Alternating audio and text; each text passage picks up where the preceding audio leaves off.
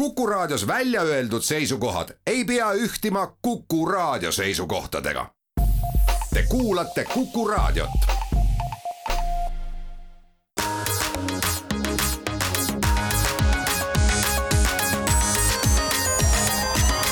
digitund. digitunnile ja digimaailmale annab hoogu Telia tere hommikust, head Kuku raadio kuulajad, on esmaspäev, kolmeteistkümnes veebruar ja Digitund tervitab siit Kuku raadio stuudiost kõiki meie kuulajaid ka Valgas, Tõrvas ja Antslas, kus me nüüd oleme kuuldaval sagedusel sada viis koma kolm megahertsi. ja stuudios on meil Mait Tafenau, Indrek Vaheoja ja Andrus Raudsalu ja saate teises pooles liitub meiega Telia riskijuht Andreas Meister, kellega me räägime siis Türgi hiljutise maavärina valguses äh, sellisest asjast nagu toimimispidevus ja sellest, kuidas siis Eestis on tagatud äh, kõik need süsteemid, süsteemide toimimine juhul, kui peaks midagi katastroofilist juhtuma. aga sellest juba siis hiljem. teeme kõigepealt tavapärase kokkuvõtte uudistest ja ja noh, alustame, alustame jällegi tavaliselt nagu ikka turvauudistest. saabus meile Riigi Infosüsteemide Ameti jaanuari Äh, küberturbe kokkuvõte, ta tavaliselt saabub küll üsna hilja jah, et, et meil on juba veebruari keskpaik, et äh, loodame, et hakkavad, hakkavad kunagi kiiremini tulema. aga mis seal ikka, et äh, minu arust tore on see, et jaanuaris oli registreeritud oluliselt vähem intsidente kui tavaliselt ja see on õige küll, aga teisest küljest peab ütlema, et tundub, et küber, see oli ka tegelikult aruandes minu arust isegi väga selgelt nagu välja viidatud, et, et küberründed on saanud meie igapäevase elu osaks ja see on asi, mis äh, põhimõtteliselt nagu vihma sajab, nagu et me teame, et kõik vihma sajab, eks ju. kõik teavad, et peab kummikud äh, jalga panema ja vihmamantli selga panema. kodus peavad kummikud olemas olema, et selles mõttes ei saa elada ainult plätudega. sama on siis jah, küberhügieeniga, et, et sa tead, et see peakski olema niisugune loomulik osa sinu sellisest äh, küberkäitumisest. jah, sellega tuleb arvestada ja aga, aga teine riigipoolne uudis on siiski ka see, et, et kutsume siis kõiki üles ennast registreerima M-riigi äpi testijaks, meie oleme seda juba teinud. Äh, M-riigi äppi saab küll testima hakata alles märtsikuust, nii nagu me kõik siin äh, erinevatel hetkedel siis oleme e-kirjaga riigi käest teada saanud, sellepärast et äh, praegu tegeletakse selle äpi siis viimaste lihvidega ja, ja eriti just turvalihvidega, et, et kõik oleks turvaline ja kindel, kellegi andmed kuskilt rändama ei läheks selle testimise käigus, aga aga noh, ütleme, et esmased äh, siis sellised ekraanikuvad, mis on äh, näha, on, on täitsa paljulubavad, et tõepoolest sul on võimalik mobiilis siis hakata riigiga suhtlema ja ilma, et ilma, et sa peaksid kuhugi üldse arvuti taha minema. Võib-olla peaks korra meenutama ka, et äh, M-riigi äpp peaks olema siis rakendus, mille kaudu kõik olulised riigil pakutavad digitaalsed teenused on sulle siis ühes mugavas rakenduses kokku koondatud ja usun, et kui see üks päev nagu päriselt kättesaadavaks tuleb, siis me räägime sellest natuke pikemalt ka. kindlasti aga lähme siis äh, maailma uudiste juurde, et äh, ma arvan, et äh, asi vist, millest ei saa üle ega ümber, et möödunud nädalal toimus üks suur siis titaanide võitlus ja heitlus nimelt Google oli juba eelnevalt teada andnud, et siis eelmisel kolmapäeval pidi siis toimuma selline noh, Google'i siis Äh, ütleme, chat GPT äh, vastu suunatud siis üritus või kus nad siis pidid tutvustama enda siis äh, sarnast chatbot'i. Ja siis üllatus-üllatus, Microsoft tegi siis ennem seda täiesti üllatusürituse päev enne, ennem siis rääkis päris pikalt sellest, et kuidas siis Microsofti toodetes siis chat GPT-d aina laiemalt hakatakse kasutama. no selgelt Microsoft on võtnud endale nagu äh, ütleme, situatsiooni ära kasutanud nii palju, kui seda võimalik on, et nad on täna nagu omavad selgelt turueelist selle äh, OpenAI nagu investeeringu näol ja, ja nad on igas võimaluses rääkinud sellest, kuidas see nagu nende, nende suur, suur tulevik kõik baseerub äh, chat GPT-l, küll tulevad uued brauserid, millesse on integreeritud kõik need ai tehnoloogiad, eks ju, ma ei hakka rääkima Excelist ja Wordist, eks ju ka nendest on olnud juttu. otsingumootor, eks ju, Bing peaks saama oluliselt väärtuslikumaks. juba on räägitud, et Bingi integratsioon tuleb, eks ju, registreerige, panin ennast kirja, seal oli muidugi kohe soovitus, et kui sa tahad nagu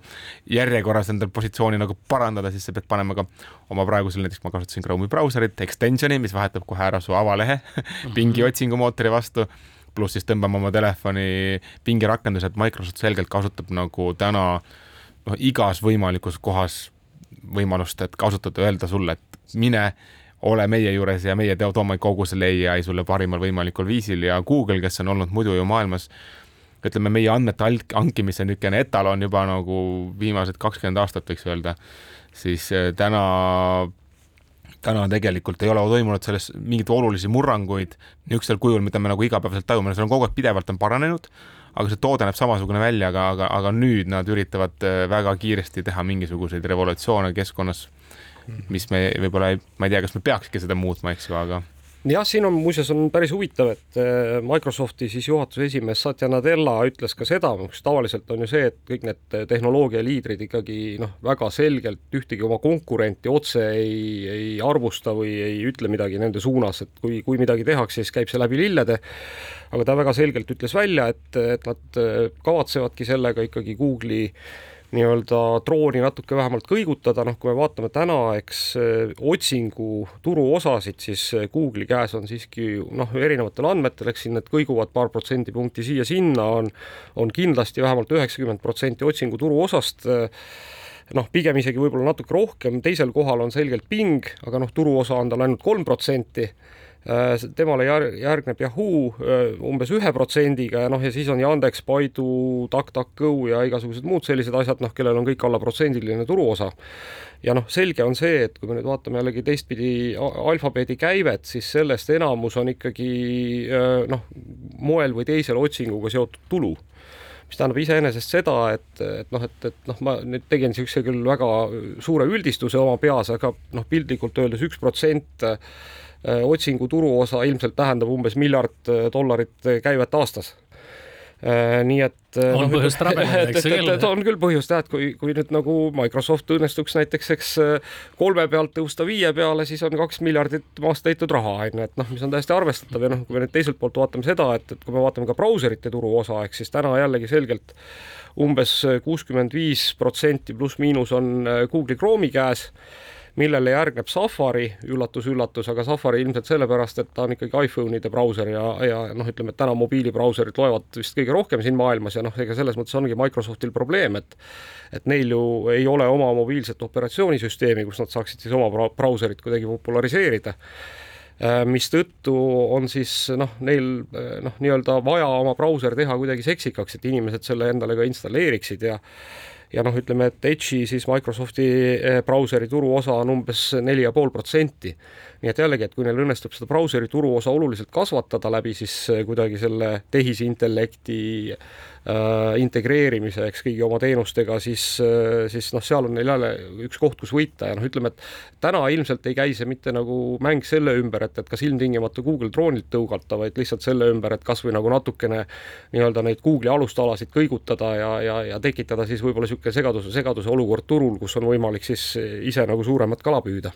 No ma arvan, et see kõige suurem võti on nagu selles, et kas see ka praegune Google'i otsing üldse peab muutuma, võib-olla peab aga võib-olla vastupidi, oleks Google strateegiliselt kaval sinna otsingu riba peale panna hoopis neid tööriistu juurde või siis noh, nad on rääkinud näiteks multi-search'ist. see oli siis nende selle event'i nagu põhiline sõnum, et sa otsid ja saad korraga nagu rohkem tulemusi erinevatest kategooriatest, võib-olla peaks lihtsalt olema seal ai vastus kuskil nende muude asjade kõrval või noh, kuidas sa kombineerid ja millis, mis on su tugevused, kes oskab oma tugevusi paremini välja mängida, et äh, ma ei oska öelda, kas Bing otsib halvemini või paremini, ma pole kunagi niisugust võrdlust teinud, eks ju, aga ma arvan, peamise inimese küsimus on selles, et noh, miks ma pidin siiamaani teisi otsimootoreid kasutama, kui see põhiline töötab, eks ju, ja ma tean, et sealt tuleb tõesti nagu kõige paremini filtreeritud tulemus. aga ma isiklikult arvan siin oma väikese peaga, et, et võib-olla noh, suur osa otsingutest, ma ei kujuta, numbrit ei oska öelda, ei vaja tegelikult mingeid erilisi suuri täpseid märksõnu ja ai-d sinna juurde, sest sa ikkagi küsid, et mis kellani see asi lahti on ja mis ajal, kust mida saab. et ma usun, et see vaata hästi spetsiifilised otsingud, kus sa tahad, eks ju, mingist noh, midagi endale saada, et, et noh, need on nagunii, on pigem on väikse, väiksem osa otsingutest. ma ise näen tegelikult hoopis, et kõik need Siri taolised, need voice assistant'id, kelle poolt sa siis saad häälega küsida, et, et mis kell mu rong läheb või, või midagi targemat, et selles mõttes ma usun, et seal on seda mugavust nagu kõige rohkem tegelikult vaja, et ma sõidan autoga, ma saan kohe küsida, sest praegu tegelikult need kõik hääleabilised on niisugused piiratud võimekusega, nad mm -hmm. hästi ei mhm. saa aru, mida ma küsin, oskavad enam-vähem, et ilma öelda, panna sulle kalendrisse mingi ürituse kirja, aga, aga niisugust nagu korralikku teenust seal taga ei ole ja ma arvan, et noh, see on see valdkond, kus tegelikult on minu arust võidukoht. nojah, ütleme, et äh, ma arvan, et seal siiski, siiski see, et kui sa suudad selle nii-öelda äh, noh, tehisintellekti mootori kuidagi panna neid otsingu tulemusi noh, nii-öelda analüüsima või, või kuidagi reastama või, või siis sealt midagi välja nii-öelda si-, filtreerima, siis see kindlasti on väärtus, sellepärast et noh, mis ongi, mis on ju oluline, on see, et noh, kui chat GPT, eks täna vastab vist äh, materjalide põhjal, mis on äh, kuni aastani kaks tuhat kakskümmend, eks, et kui sa küsid midagi, ei, ei minu arust on nojah, mis iganes no,, igatahes, igatahes kui sa midagi uut küsid, on ju, siis ta enam vastata ei, ei oska. et, et nüüd noh, mis on siis selle äh, Äh, praegu siis nii-öelda pingis kasutusele võetava äh, süsteemi äh, eelis on see, et ta nagu noh, sisuliselt reaalajas ikkagi integreerib nendesse vastustesse ka noh, ütleme noh, reaalaja otsingu tulemusi, jah. aga ma lisan ühe asja veel, et see otsing ei ole endiselt nagu minu arust kõige relevantsem, ma toon teile näited, et kõige rohkem nagu GPT ülest nagu äh, vestlusi on sellest, et ta programmeeris mulle WordPressi plugina, ta kirjutas mulle mingisuguse koodi, ta kirjutas mulle luuletuse, ta reastas mulle mingisugused tähtsad bullet'id, ta tegi mingid tabelid, ta tegi kokkuvõtte. Need ülesanded ja see ei ole otsimootor, mida tegelikult me räägime, millegi no vaata, vaata, aga see ongi see, et, et kui sa tegelikult otsimootoris saad nagu noh, kümme tuhat tulemust, eks on ju, siis sa tahaksid, et keegi teeks sulle sellest kokkuvõtte noh, ma ei tea, pool lehekülge no,. ma olen nõus, et otsimootor on kindlasti üks asi, aga ma ütleks, et kui me nagu seda turgu vaatame, siis noh, kasvõi räägime sellest, et kas Bolt on nagu taksoettevõte või logistikaettevõte, et kui me räägime taksoturust, siis on see pisikene osa, kui me räägime logistikast, siis on nagu väga palju suurem ja ma arvan, et see chat GPT kui selline on väga palju suurem kui üks pisike otsimootor. jaa, absoluutselt ja noh, selles mõttes, et eh, siin on siis oluline ka, et eh, et teada siis seda, et ilmselt umbes kuu aja jooksul siis jõuavad äh, kõik need siis, nüüd on Prometheus on siis selle uue siis äh, mudeli nimi, eks, mis on väidetavalt siis võimsam kui chat GPT, et seal Prometheuse poolt siis äh, loodud või tagatud teenused jõuavad siis ka Office kolm kuus viie igasugustesse siis programmidesse, alates noh, ma ei tea, Outlookist ja lõpetades PowerPointiga, nii et noh, ühel hetkel tahate kirjutada kirja kellelegi, siis noh, ütleme, et igapäevaseid kirju suudab tõenäoliselt kirjutada siis teie eest juba tehisintellekt, aga siinkohal peame minema reklaamipausile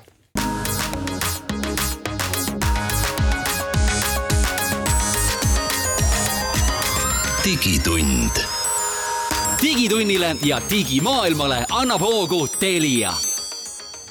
digitund jätkab siit äh, kõikvõimalike otsingud ja otsingu siis chatbotide äh, hekseldamist äh, möödunud nädala uudiste valguses. stuudios on Mait Tafenau, Indrek Vaheoja ja Andrus Raudsalu. Ja kui me nüüd rääkisime siis Microsofti noh, nii-öelda võidukäigust äh, chat GPT äh, siis integreerimisel kõikvõimalikesse oma teenustesse, et, et räägime natuke sellest Google'i siis üritusest ka, mis toimus kolmapäeval, et ausalt öeldes ma vaatasin selle äh, Äh,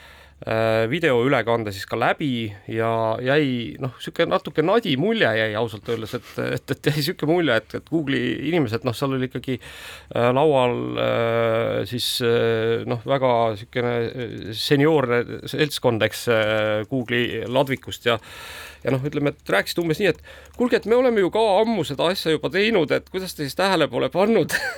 täpselt selline see jutt tundus olevat. moment veidi no,. natuke jah, ja, ja, ja ausalt öeldes eh, noh, ühtegi nagu sellist eh, noh, väga selget eh, jalust rabavat uudist ei olnud, et noh, pigem oli see, et, et meil tuleb siis ka mingi sarnane toode nagu chat GPT, mille nimi on siis Bard ja noh, ütleme, et siis nad rääkisid palju sellest, et kuidas ikkagi tuleb seda tehisintellekti nii-öelda tema üle järge pidada ja jälgida, et, et ta oleks ikkagi aus ja, ja, ja igatepidi eetiline ja nii edasi noh, asjad, millega Google on ilmselt pikki aastaid tegelenud, aga noh, tõenäoliselt noh, kogu sellest üritusest jäi selline mulje, et nad ongi nagu tegelenud, kuskil insenerid eh, on nagu noh, teinud kõvasti arendust, aga noh, tooteinimesed ei ole viitsinud ühtegi toodet selle pealt välja mõelda või siis on insenerid neile öelnud, et kuulge, et noh, et see asi on kõik veel liiga toores, et midagi teha. ja noh, ja nüüd nad siis avastasid, et keegi teine on noh, natuke nagu võib-olla toore asjaga, eks neist nagu kõvasti mööda panemas ja noh, nüüd tuleb ikka ikkagi järje peale saada. natuke me too event, et noh, et meil on ka, on ju. Mhm. kuigi noh, tekib üldse küsimus, et miks nad selle event'i tegid, tegid, selles mõttes Google on kogu aeg tuntud selle poolest, et kuule, me ise ei turunda midagi, meie asju inimesed leiavad ise ja saavad aru, et lihtsalt on parim, et pole vaja rääkida. nüüd nad järsku on hakanud turundust tegema, me oleme juba korduvalt oma hooaja jooksul jõudnud rääkida, kui palju Google on eventidega teinud niisugust Apple'it järgi ja samas on see kõik niisugune nagu kõik saavad aru, et see on kuidagi ta on ikka nagu odav. ei no kuule, Apple'it järgi teha neil ikka ei õnnestu, et see on nagu väga kodukootud, et see oleks umbes nagu noh, see oleks umbes sama, nagu sa ütleksid, et, et, et noh, et et mõni kooliteater siin võistleb, ma ei tea, Draamateatriga on ju, et noh, et see on umbes Google'i ja ja Apple'i event'id on ju, et. aga praegu on täpselt sama olukord, eks ju, ja, ja, ja mitte ainult sulle ei tundunud see nadi, vaid Indrek vaatas ennem, et ka börsile, et see tegi. no seal oli selline asi, et äh, selles reklaamvideos mm, siis James Webbi teleskoobi kohta oli mingi vale fakt ja siis kui Reuters seda märkas, siis pärast seda tehti väikene ülevaatus börsil ja tuli siis välja, et jah, et Alphabeti aktsia kukkus kuskil seitse protsenti, mis rahalises mõttes on umbes sada miljardit, mis on ikkagi väga-väga suur summa, et niimoodi no. sellise väikse vea peale ära kaotada Tõ. tõenäoliselt keegi saab seal Google'is ata-ata kõvasti no, aga, aga, aga, aga nüüd rääkides võib-olla paarist ikkagi toredast asjast ka, et mis sealt siis äh, välja tuli, on see, et esiteks Google Multisearch, mis on siis äh, see äh, nii-öelda võimalus, kuidas sa saad siis erinevaid otsingutulemusi noh, rikastada mingite, ma ei tea, fotode abil näiteks või noh, ütleme telefonikaamera abil, eks mingisuguseid asju pildistades ja nii edasi, et et see nüüd, mis on siis olnud äh, eksperimentaalselt vist mõndadel turgudel kasutusel, nüüd siis kiiresti levib üle maailma, et noh, et ilmselt siis Google leidis, et, et, et pole enam siin pikalt aega venitada, eks, et, et, et tuleb see nagu välja tuua. ja teine päris vägev asi on siis see, et nad toovad niinimetatud immersive view siis Google Maps'i ehk, ehk tegelikult ütleme siis suurematest, esialgu suurematest linnadest, noh, mille kohta neil on piisavalt datat äh,, siis nii-öelda nii Street View äh, piltidest kui tõenäoliselt siis inimeste fotodest kui mingitest aerofotodest on pandud siis kokku 3D mudelid ja noh, sa tõepoolest saad siis noh, põhimõtteliselt lennata sinna linna sisse nagu metaversumisse nii et, äh, nii et see on päris äge ja, ja, ja ütleme, et siis ka nendes suuremates linnades siis noh, mingisugused kohvikud ja, ja restoranid ja need, et nendel on tekkinud ka sisevaated, et noh, sisuliselt sa saad siis noh, ma ei tea, nii-öelda vaadata Äh, ma ei tea, noh, põhimõtteliselt isegi võtta nii, et võtad telefoni vaate, eks telefon näitab sulle läbi siis oma kaamera, kuvab sulle pildi, on ju, näitab, et kus on parasjagu kohvikud ja siis sa võid selle kohviku peale klikkida juba sinna sisse vaadata, eks, et, et kuidas ta ka seest välja näeb. ühesõnaga kõige positiivsem sõnum selle kogu asja juures oli, et kui Google muidu annab seda kuidagi näpuotsaga, ei tea kellele, kuhu kaugele, eks ju, siis loodetavasti saame ka meie Eestis katsetada kiiremini uuemaid Google'i tehnoloogiaid. jah, tundub, et, tundub, et neil on nüüd on nagu tuli takus kuulge, aga ma ei tea, et tõmbame äkki sellele joone alla, et, et räägime mõnedest muudest äh, möödunud äh, nädala teemadest ka, et, äh, et.... ma võtaks selle Tesla reklaami, mis oli Superbowlil. Reklaami või antireklaami? Jah, jah, see oli selles mõttes päris huvitav, me oleme tegelikult varem rääkinud ka nendest isesõitvate autode nagu rõõmudest ja valudest, eks ju, ja, ja natukene võib-olla skeptiliselt ka nendest riskidest kõigist, mis nagu kaasnevad selle tehnoloogia inimeste kätte andmisel, et tekib niisugune nagu pime usaldus, et küll see auto sõidab ise ja Superbowlil tõesti näidati ühte niisugust reklaami, kus siis oli äh, näidatud kõiki neid riske, et, et videoklipp on seal, paneme selle pärast ka sinna oma Facebooki lehele, et inimesed vahel saadavad meile kirju, et me räägime, aga ei näita, et paneme sinna ka Facebooki lehele välja selle klipi, et siis saate ise hinnata. Aga tõesti, auto siis, küll ta sõitis vastassuunas, küll ta siis ei saanud aru, et stopp-märgi taga tuleb peatuda, Äh, ja noh, keelumärkidest no, läbi sõitnud no,. sõitis üle ka, sõitis üle ka laste vankritest. suusatajast ja, ja kellest kõigest veel, et ühesõnaga kõik äh, tõkked, mis äh, tee peale tulid, kõigile sõitis ikkagi otsa muidugi. ja see tegelikult üks teine lahe lause oli kuidagi, et iga kaheksas otsus, mida auto teeb, teeb ta valesti, eks ju, et, et selles mõttes nagu mina ütleks, et, et endiselt nagu mida rohkem te suhtute nagu sellesse kui abivahendisse, mitte kui sellesse autopilooti, siis siis seda parem on ja, ja ma arvan, et Tesla kõige suurem kuritegu selle hea asja tootmisel ongi olnud nagu liiga julged reklaamisõnumid, mis panevad inimesi tegema valesid järeldusi, et, et noh, me ikkagi ootame talt autopilooti, mida ta tegelikult ju ei ole, ta on ikkagi abivahend ja autopiloodist on veel asi noh, ikkagi noh, ta on küll olemas teatud määral, aga mitte niisugusel tasemel, mis ta peaks olema jaa, muuseas, aga ma tahan siia otsa ikkagi ühe, ühe päris noh, ma ei oska öelda, kas koomilise, aga aga noh, võib-olla ka epohhi loova hoopis uudise rääkida sellest, et siis äh, Põhja-Carolina äh, ülikooli teadlased on siis välja pakkunud äh, noh, ise, isejuhtivate autode siis valguses lisada valgusfoorile neljas tuli nii, kellele see on no,? me kõike teame nagu punast, kollast ja rohelist me tunneme, aga nüüd siis on plaan lisada sinna ka valge tuli ja valge tule mõte on siis see, et valge tuli peaks signaliseerima siis eh, noh, inimautojuhile, et eh, järgi eessõitvat isesõitvat autot. Ehk noh, mõte on selles, et kui ühel hetkel isesõitvate autode kontsentratsioon on piisavalt suur, siis tegelikult need autod suudavad omavahel suheldes, eks kokku leppida, noh näiteks minu pärast mingisuguse ristmiku ühe ületamise korra, eks, mis on efektiivsem võib-olla kui noh, mingisugune mehaaniline foori poolt reguleeri-, reguleeritud kord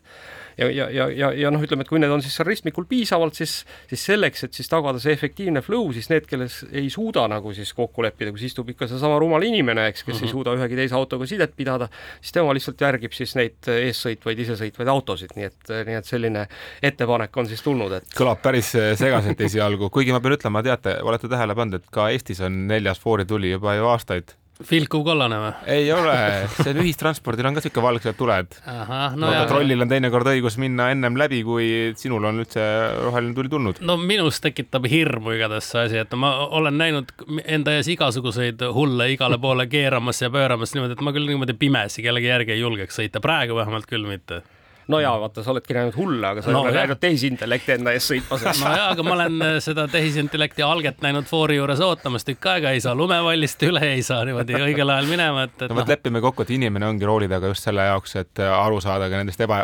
arusaadavatest olukordadest. jah, aga teatavat, teatavatel juhtudel no, ma olen sellega, ma olen, ma olen selles, sellega täiesti nõus, et teatavatel juhtudel inimene on ebaefektiivne seal rooli taga ka, eks, ja noh mm -hmm., eriti veel siis, kui ta närvi läheb, eks hakkab teisi inimesi sõimama ja, ja noh, kätega vehkima, eks siis ta kindlasti ei ole oma kõige efektiivsemas äh, olekus seal rooli taga. kuulge, aga, aga lähme sealt edasi veel ühe, ma arvan, et olulise uudisega, äh, mis mõjutab tõenäoliselt noh, kaugemas tulevikus meid kõiki, nimelt siis Amazon sai lõpuks loa siis oma Project Kuiperi satelliidid üles saata noh, tegu on siis äh, Starlinki otsese konkurendiga, et, et teatavasti siis Amazonil on samamoodi plaan lasta umbes äh, ma ei tea, kolm tuhat kaheksasada vist kolm tuhat kakssada kolmkümmend kuus. kolm tuhat kakssada kolmkümmend kuus, vabandust, jah. satelliiti siis maalähedasele orbiidile, mis hakkavad siis samamoodi pakkuma internetiteenust. mõtlen, et millal tulevad kõik need Hiina ja Venemaa ja India ja kõik muud riigid maailmas, kes samamoodi tahavad samal turul opereerida, et, et jah, vot seal on, ega seal on see küsimus, et, et mis ka muuseas, miks Amazonil see asi nii kaua aega võttis, oli see, et et nende satelliitide üleslaskmise reeglid on läinud päris karmiks ja noh, mitte ainult üleslaskmise, vaid ka allatoomise reeglid, ehk tegelikult on küsimus selles, et kuna meie lähikosmos on juba noh, ikkagi päris kõvasti prügi täis, eks, et noh, ütleme nii palju veel ei ole, et päikese noh, kiirgus maale ei jõuaks, eks, aga aga küll on juba nii palju, et nad on muutunud üksteisele ohtlikuks, nii et noh, selleks, et siis tagada see, et sinna oleks jätkuvalt võimalik midagi üles lasta ja et nad siis ei põrkaks üksteise vastu ja ei tekitaks seal noh, mingisuguseid niisuguseid ahelreaktsioone, kus siis ühed tükid nagu tekitavad veel suure hunniku tükke, siis, siis selleks on tegelikult täna ka hästi drako-, drakoonilised reeglid selles osas, et kuidas neid siis tuleb maale tagasi tuua. ja Amazonil on ka ettekirjutus tehtud, et seitsme aasta pärast, kui siis peaksid see satelliitide töö tehtud olema, siis peaks nad ka orbiidilt eemaldama. just et, et, et, et see on nagu see, mis tegelikult noh, ütleme, et, et seda nagu noh, arendust on seal päris piisavalt, nii et see ei ole päris nii lihtne, et noh, et, et homme hakkan nagu siit järjest nagu mingisuguseid kastikesi üles laskma, nii et noh, ütleme, et et me kindlasti näeme seda, aga mitte niipea aga kusjuures seal on veel seal küsimus, et kes siis on need, kes ütlevad, kuidas seda olukorda reguleeritakse või kõike muud. aga noh, neid asju, mida sellel teemal rääkida, on tõenäoliselt palju ja ka kuulajad vahel on kirjutanud meile, et noh, rääkige nüüd rohkem ja igasugused konspiratsiooniteooriad ja kõike muud. jõuame, jõuame. jõuame, jõuame ja kuulge, aga lähme siitkohalt praegu reklaamipausile ja oleme siis juba mõne minuti pärast tagasi.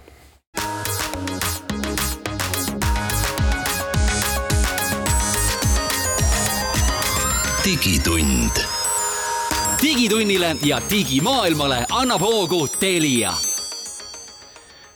Digitunni teine poolaeg alustab nüüd, stuudios on meil jätkuvalt Mait Tahvenau, Indrek Vaheoja ja Andrus Raudsalu. ja nüüd on meiega liitunud ka Telia riskijuht Andreas Meister.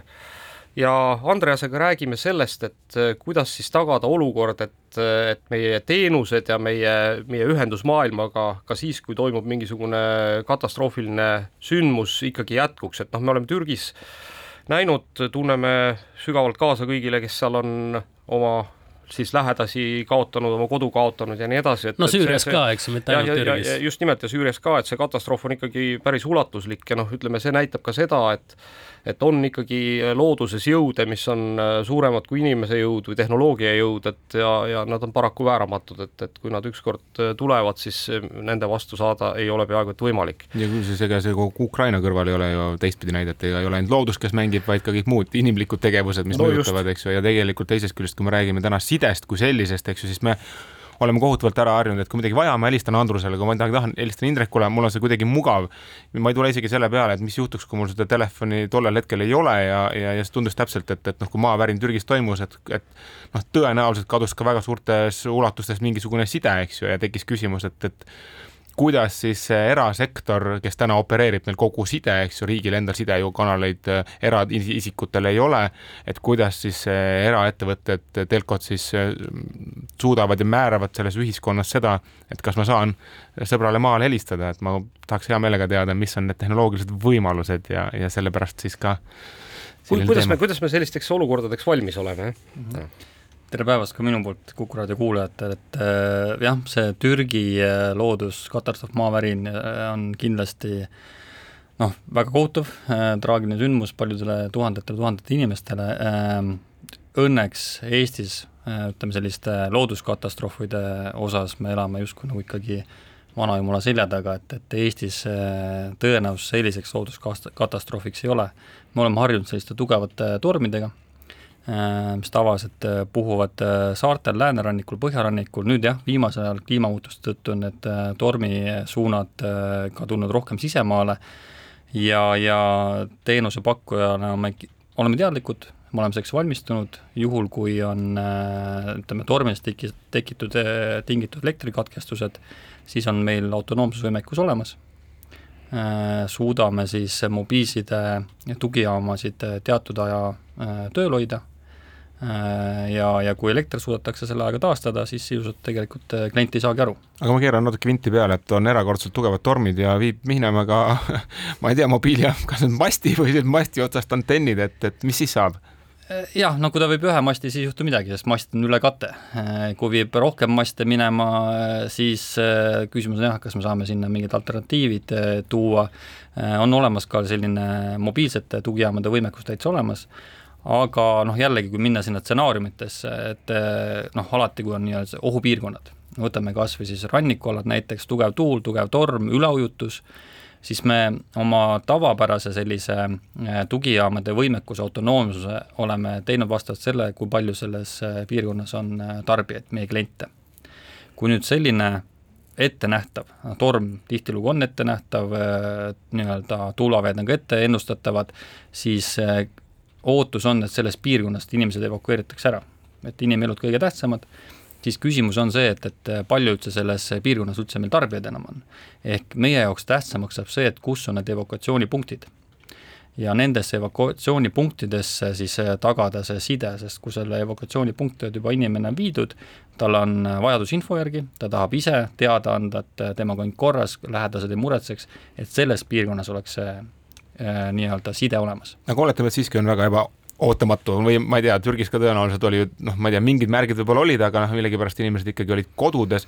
Kas no, on olemas, oli ju ka, no eks ole, no seda enam, eks ju, et kas on olemas ka mingi, ma ei kujuta ette, mõned rekad näiteks, kes sõidavad kohale, antenn püsti ja palun, et. nagu ma ütlesin, mobiilsed tugijaamad on olemas jah, äh, et noh, seal on loomulikult nende arv on väga piiratud, et äh, selliseks mastaapseks sündmuseks ma arvan, et noh, kui terve Eestis elekter ära Äh, noh, selliseks ei, ei ole täna, ma arvan, keegi valmis, et täielikku autonoomsust tagada, on, on meil autonoomsus olemas, kuid teatud ulatuses, kui räägime mobiilsidest,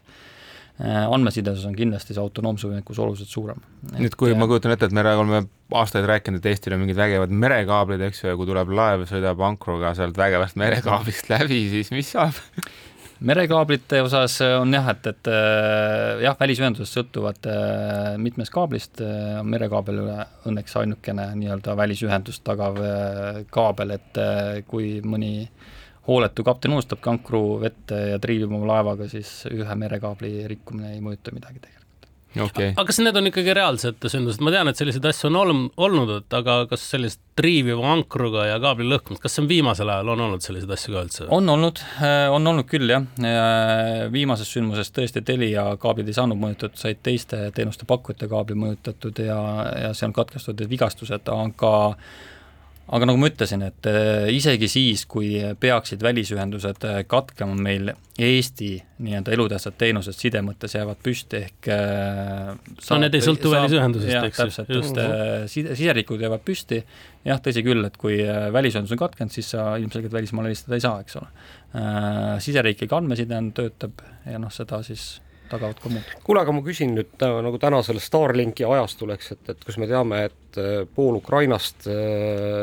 vähemalt mingil hetkel elas ja tõenäoliselt ka täna veel elab Starlinki otsas, et, et kas need mingisugused satelliitsidesüsteemid on meil ka kasutusel selles mõttes, et noh, et kui nüüd nagu kõik kaablid ümber Eesti peaksid mingil mhm. põhjusel katkema, et kas siis, kas siis üle taeva ikkagi saame ühendust?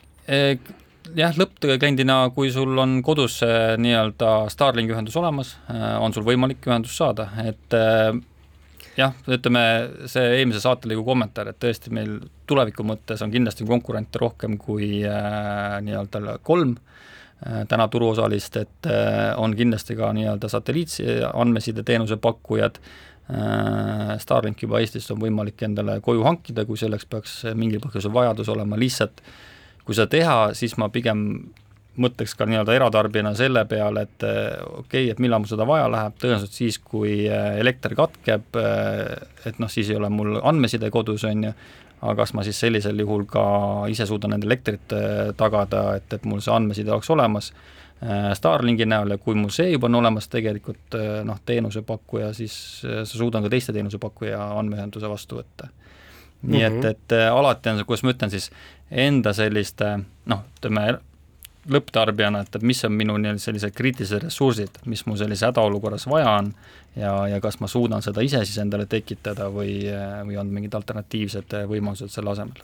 väga hea, et sa selle elektri, elektrikatkestuse juurde veel tagasi tulid, et ma tahtsin just seda küsida, et noh, ma ei tea, kas sa tohid üldse sellele küsimusele vastata, aga, aga vasta siis nii palju kui, kui võimalik, et et ütleme, et noh, oletame, et meil on nüüd kuskil elekter ära, et kui kaua siis ikkagi see side püsti seisab ilma, ilma elektrita või noh, mhm. ütleme selles olukorras, kus elektrivarustus toimub, et kui autonoomsed täna näiteks, ma ei tea, Telia mastid on? jah, ma seda tegelikult äh, saan öelda, sellepärast see on meil vastav nõue juba on äh, ministri poolt antud määruses, mis peab olema tagatud, et ja seda me ka tagame, et äh, ütleme, kui me räägime andmesidest, mis on nagu nii-öelda põhiteenus kõikidele sideteenustele, et siis äh, kui meil äh, sellest kriitilisest infrastruktuuri objektist sõltub enam kui kahesaja kliendi lõpptarbimine, siis on see autonoomse võimekus nelikümmend kaheksa tundi sisuliselt. Mm, mis tähendab, või noh, ütleme piltlikult nii palju, kui me jõuame kütust peale valada mm, -hmm. need andmekeskused töötavad. Äh,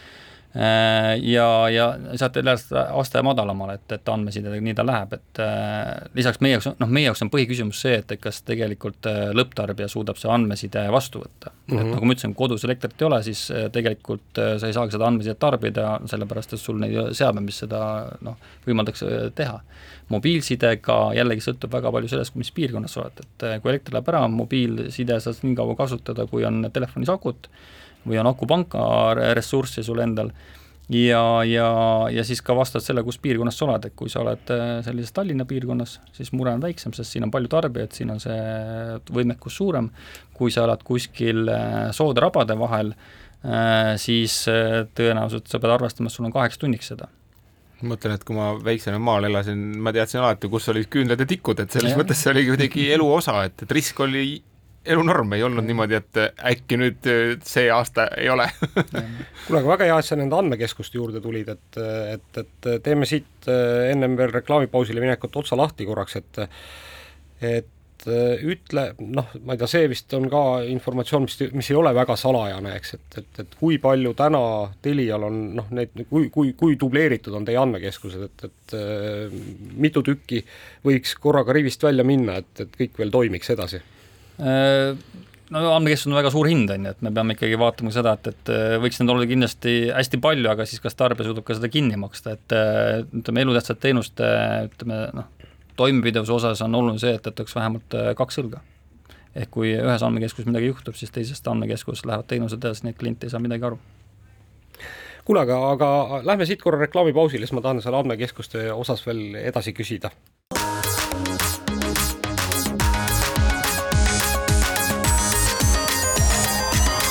digitund. digitunnile ja digimaailmale annab hoogu Telia.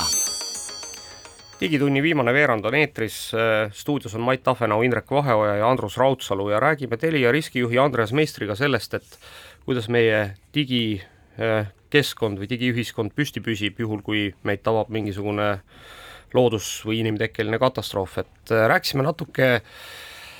siis äh, me nii-öelda serverimajade dubleerimisest, ütle Andres, kas on ka äh, noh, ütleme, et palju on räägitud Eesti riigi andmesaatkondadest, eks, et, et mis on meil väljaspool Eestit ja mille mõte on just selleks, selles, et, et juhul, kui siis peaks siin midagi drastilist juhtuma, et siis riik saab jätkata noh, baseerudes siis nendel andmetel, mis on kuhugi mujale äh, deponeeritud, et et kas, kas ütleme, et kas Telia teeb ka samasuguseid asju, et kas, kas teie andmekeskused on dubleeritud kuhugi Eestist välja, kas on sealt dubleeritud välja mingisugused äh, olulised andmed ja noh, ütleme, et mina näiteks eratarbijana, et, et kui ma hoian kuskil oma, ma ei tea, faile, et kas ma võin olla kindel, et need säilivad juhul, kui noh, ma ei tea, äh, peaks tulema hullunud naaberriik ja meie maa ära vallutama ja siis äh, noh, ühel hetkel ma tean, et mu andmed on ikkagi kuskil olemas noh, jällegi, mis andmetest me räägime, aga, aga kui ütleme äh, jällegi juba eelnevalt mainitud see hädaolukorra seaduse nõue on meil sees, kus tegelikult äh, juhul, kui elutähtsa teenuse osutajal peaks olema süsteemid nii-öelda välisriigis, peab olema võimeline ka teenust osutama olukorras, kus välisühendused puuduvad. noh, sellest lähtuvalt Eesti Telia Eesti siis nii-öelda elutähtsad sideteenused asuvad Eestis ja, ja, ja juhul, kui välisühendused peaksid äh, puuduma, siis äh, meie poolt osutatavad elutähtsad teenused äh, jäävad tööle uh -huh. Eesti riigi nii-öelda raamistikus. Tulles nüüd alguse juurde, see andmete varunduse teema kuskil andmete saatkondades, ma arvan, et see on väga mõistlik, et nii-öelda andmeid salvestada, noh, dubleerida kuskil veel täiendavalt kohas, on see kindlasti kas või juba ka turvahügieeni suhtes mõistlik, et äh, juhul, kui peaksid mingit ähm, keskkonnaga või mingi rakendusega, mis eratarbimises on, ma ei tea, kas või Dropbox või, või mingi sellise rakendusega äh, juhtuma, siis on ikkagi alternatiiv olemas ja saad need kätte vajadusel. nii et, et andmetevarunduse mõttes kindlasti jah, ja, ja kas või ütleme, kui noh,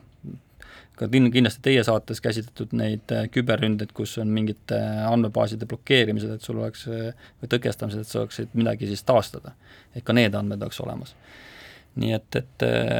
ma arvan, et see on mõistlik tegevus, aga süsteemide nii-öelda, et sul kriitilised teenused sõltuvad välisühendustest, kui sa oled ka veel elutähtsa teenuse osutaja, siis ma arvan, et riigi julgeoleku kontekstis see ei ole mõistlik kuule, aga räägime natuke sellest testimisest ka, et üks asi on selles, et me nagu oleme ehitanud endale varunduse näiteks, eks ju, aga peamine viga, mis varundamisega tehakse, me kunagi ei kontrolli, kas see päriselt ka töötab kas pärast kätte saab andmeid? et enamasti väga, väga sage on olukord, et mul ju oli küll varundus, aga tuli välja, et see ei töötanud juba viimased kolm aastat mm, -hmm. eks ju, et, et, et kuidas te testite, et ja, ja, ja millal te viimati testisite? Äh, viimane suurem test oli jaanuari lõpus, äh, testisime siis äh, sisuliselt äh, mobiilside siis äh, failover'it, et äh, kui tekib äh, tõrge süsteemis, et kas siis teise õla pealt nagu saab selle teenuse uuesti käima jooksutada ja saab tarbijad ei saanud midagi aru, et me vahepeal testisime. aga mida see test tähendas siis, kas pooled mastid olid maas või? see käib eh, noh, ütlegi, et eh, see ei ole see, selles mõttes on päris huvitav, et kas tuleb, kas tuleb siis ikkagi noh, mingisugune musta maskiga mees, kes laseb siis eh, ma ei tea, saega kuhugi elektrikaablisse, on ju. juhtme läbi ja kuidas, kuidas me räägime ikkagi siin nii-öelda nendest süsteemidest, mis tagavad siis tsentraalselt vastava mm -hmm. teenuse toimimise, et mitte tugijaamadest füüsiliselt okei okay,, et ühesõnaga andmekeskuses mm -hmm. oli testimine seepärast okay., et mina mäletan küll seda, et äh, isegi kuskilt ma vist lugesin mingit kirja, kirjeldust, et ikkagi kus äh, noh, kus noh, neid nimetati chaos monkideks, eks, või siis, siis kaos, kaosepäärdikuteks, eks, et kus siis saadeti kuhugi andmekeskusesse mingid tüübid, kes hakkasid siis valimatult erinevaid juhtmeid seinast välja tõmbama ja ja siis noh, selle, selle läbi siis tehti kindlaks, et kas asjad jäävad püsti või ei jää, et et, et, et selles mõttes on jah huvitav, et, et noh, ma, ma saan aru, et sa kõiki detaile ei saa meile siin jagada, on ju, et kuidas neid, kuidas neid teste tehakse. Aga võib-olla üks teine teema, mis on oluline, et, et kogu see riski planeerimine, et äh, ma ütleks, et me kõik teame, et on olemas riskid, eks ju, ja me teame alati ütlust, et oleks ma homme või noh, täna nii tark, kui ma olen homme, eks, et, et ei ole et mida moodi üldse oleks mõistlik täna nagu riski planeerida, et kui me räägime kas või eratarbijast, et, et kust kohast ta peaks alustama seda riski planeerimist ja mis on peamised vead, mida tehakse riskide planeerimisel? no kõige suurem äh, viga on see, et mõeldakse, et kõik on iseenesestmõistetav, et äh, elekter on iseenesestmõistetav, side on iseenesestmõistetav, vesi on iseenesestmõistetav, soojus on iseenesestmõistetav, et äh, noh. ja samamoodi see, et ma saan raha seinast kätte ja minna ja seda kõike tarbida, eks ju mm. -hmm et mingi hetk, kui see nagu äh, iseenesestmõistetav asi hetkel ära kaob äh,, siis ei oska enam toime tulla, et äh, noh, ma arvan, et Päästeamet on teinud siin väga tänuväärset tööd omalt poolt, et see nii-öelda kriisivaru, mis inimestel peaks kodus olema äh,, Äh, tasub kindlasti läbi mõelda, äh, tasub äh, vaadata, mis sul enda valmisolek on päriselt kaks-kolm päeva hakkama saada, ja, ja siis tuleb see nii-öelda reaalsustaju, et aga noh, ütleme, räägime jälle sideteenuse teemadel, et siis ma arvan, peamine küsimus on see, et, et mida ma siis teen, kui mul sideteenust päriselt ei ole, et, et kuidas, noh, mul on vaja mingit infot, kuidas ma seda infot saan, kas ma saan raadiot kuulata? äh,, ehk, ehk kas mul on mingi patareidega raadio olemas või läheme autosse raadiot kuulama, eks ju, äh, mis on minu lähedane kogukond, äh, kelle poole siis julgen pöörduda, juhul kui on abi vaja, et ma tunnen oma naabreid ja, ja, ja saan nendega hästi läbi ja su-, saan ka nendega suheldud.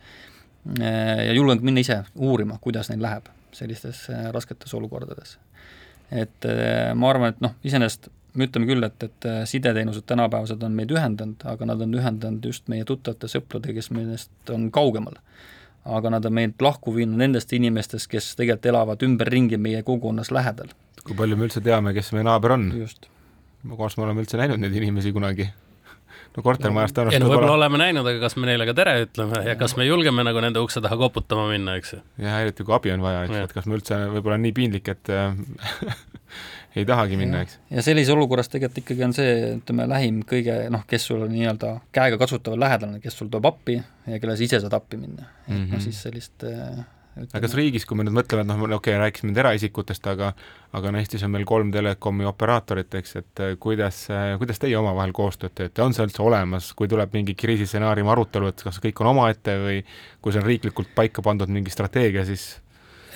jaa, meil on, mingil määral on kindlasti koostöö, me oleme konkurentid, esiteks, et äh, kõigis asjades me ei teegi koostööd ja ei tohigi teha. Äh, aga mingis ulatuses see koostöövõimalus on olemas, kas või räägime nendest samadest mobiilsidejaamade nii-öelda autonoomsusvõimekusest, ehk kui meil on nii-öelda ütleme, teisaldatava generaatori äh, lisamise võimekusega tugijaam, et noh, kas meil on, ja ühe tugijaama küljes on mitu sideoperaatorit, kas meil on mõtet minna siis äh, kolme generaatoriga sinna tugijaama äh, nii-öelda elektriga autonoomsust tekitama, et et tõenäoliselt mitte, et on kindlasti nii-öelda koostöövõimalusi siin, kõiki võimalusi ei ole kasutatud veel, aga, aga võib-olla me kuidagi jõuame sinna ja muuseas, ma tahtsin ikkagi siinkohal ka seda öelda, et, et kui tõesti nagu igasugune sidevõimalus ära kaob, siis tegelikult äh, üks asi, mida Eesti riik tagab, on selgelt see, et raadio jääb tööle. nii et äh, raadiod ikkagi toimivad, muuseas olen üsna kindel, et, et ka see maja, kust meie eetrisse läheme täna, on, on, on selles mõttes võimeline nagu oma raadiosignaali välja saatma ka siis, kui on ikkagi mingisugune päris suur Äh, katastroof või probleem äh, väljas, nii et äh, muuseas üks esimesi asju, mis siis Ukraina sõja alguses kadus jahimeeste poodide riiulitelt, olid Vändaga raadiod mm. -hmm. miks ma seda tean, et seepärast, et üritasingi endale osta Vändaga raadiot ja ei olnud enam? ei, ei, ei olnud jah, et, et tõepoolest olin sunnitud Amazonist tellima, eks Saksamaalt. aga, aga noh, lõppkokkuvõttes noh, see tundub võib-olla nagu niisugune noh, koomiline asi, eks, mida omada, aga, aga ühel hetkel on see võib-olla ainuke asi, mis teda välismaailmaga ühendab, eks, et, et noh, selle Vändaga raadio mõte on see, et väntad lihtsalt vänta ja siis ta laeb oma akusid, et noh, raadio kuulamiseks sellest täiesti piisab. ma lugesin ise ühte huvitavat intervjuud ka selle kohta, mis Ukrainas, eks hakkas siis toimuma, et just sellistes rindelähedastes külades, kus ka, eks ju, kadusid noh, sideasjad ära, kadusid ära, kõigepealt kadus ära pangakaardi mõte, siis kadus ära sularaha mõte ja viimane valuuta, mis siis toimus, olid sigaretid Mm -hmm. et see oli, oli nagu, et noh, et ma ei taha küll kedagi üles kutsuda, et, et, et nagu suitsu ostma kõvasti, aga no teatud situatsioonides võib sihuke tikutoas või paks sigarette olla oluliselt rohkem väärtus kui tühine pangakaart. helbeid, aga noh, olgu ei no, noh, kõik jah. no valuutana, eks ju. iga, igatahes noh, selgelt, eks, et raha ju süüa ei saa, eks on ju, et, et. pangakaarti veel vähem, eks ju. just, et, et, et kõik sellised äh, vähegi tarbitavad tooted on kindlasti suurema väärtusega kriisisituatsioonis kui kui kõik muu okei okay,, kuulge, aga, aga meil vist hakkab aeg ka ühele poole saama, nii et tõmbame siinkohal saatele joone alla. aitäh sulle, Andreas, et, et, et tulid ja meid valgustasid nii palju, kui sa said ja soovime siis jätkuvalt seda kindlat meelt ja edu, et hoida siis kõiki neid meie teenuseid äh, töös. jah, töös. nii, nii et me ei märkaks, mis, mis seal, mis seal, mis seal köögis toimub. aitäh teile kutsumast! kõikide raadiokuulajatega kohtume juba nädala pärast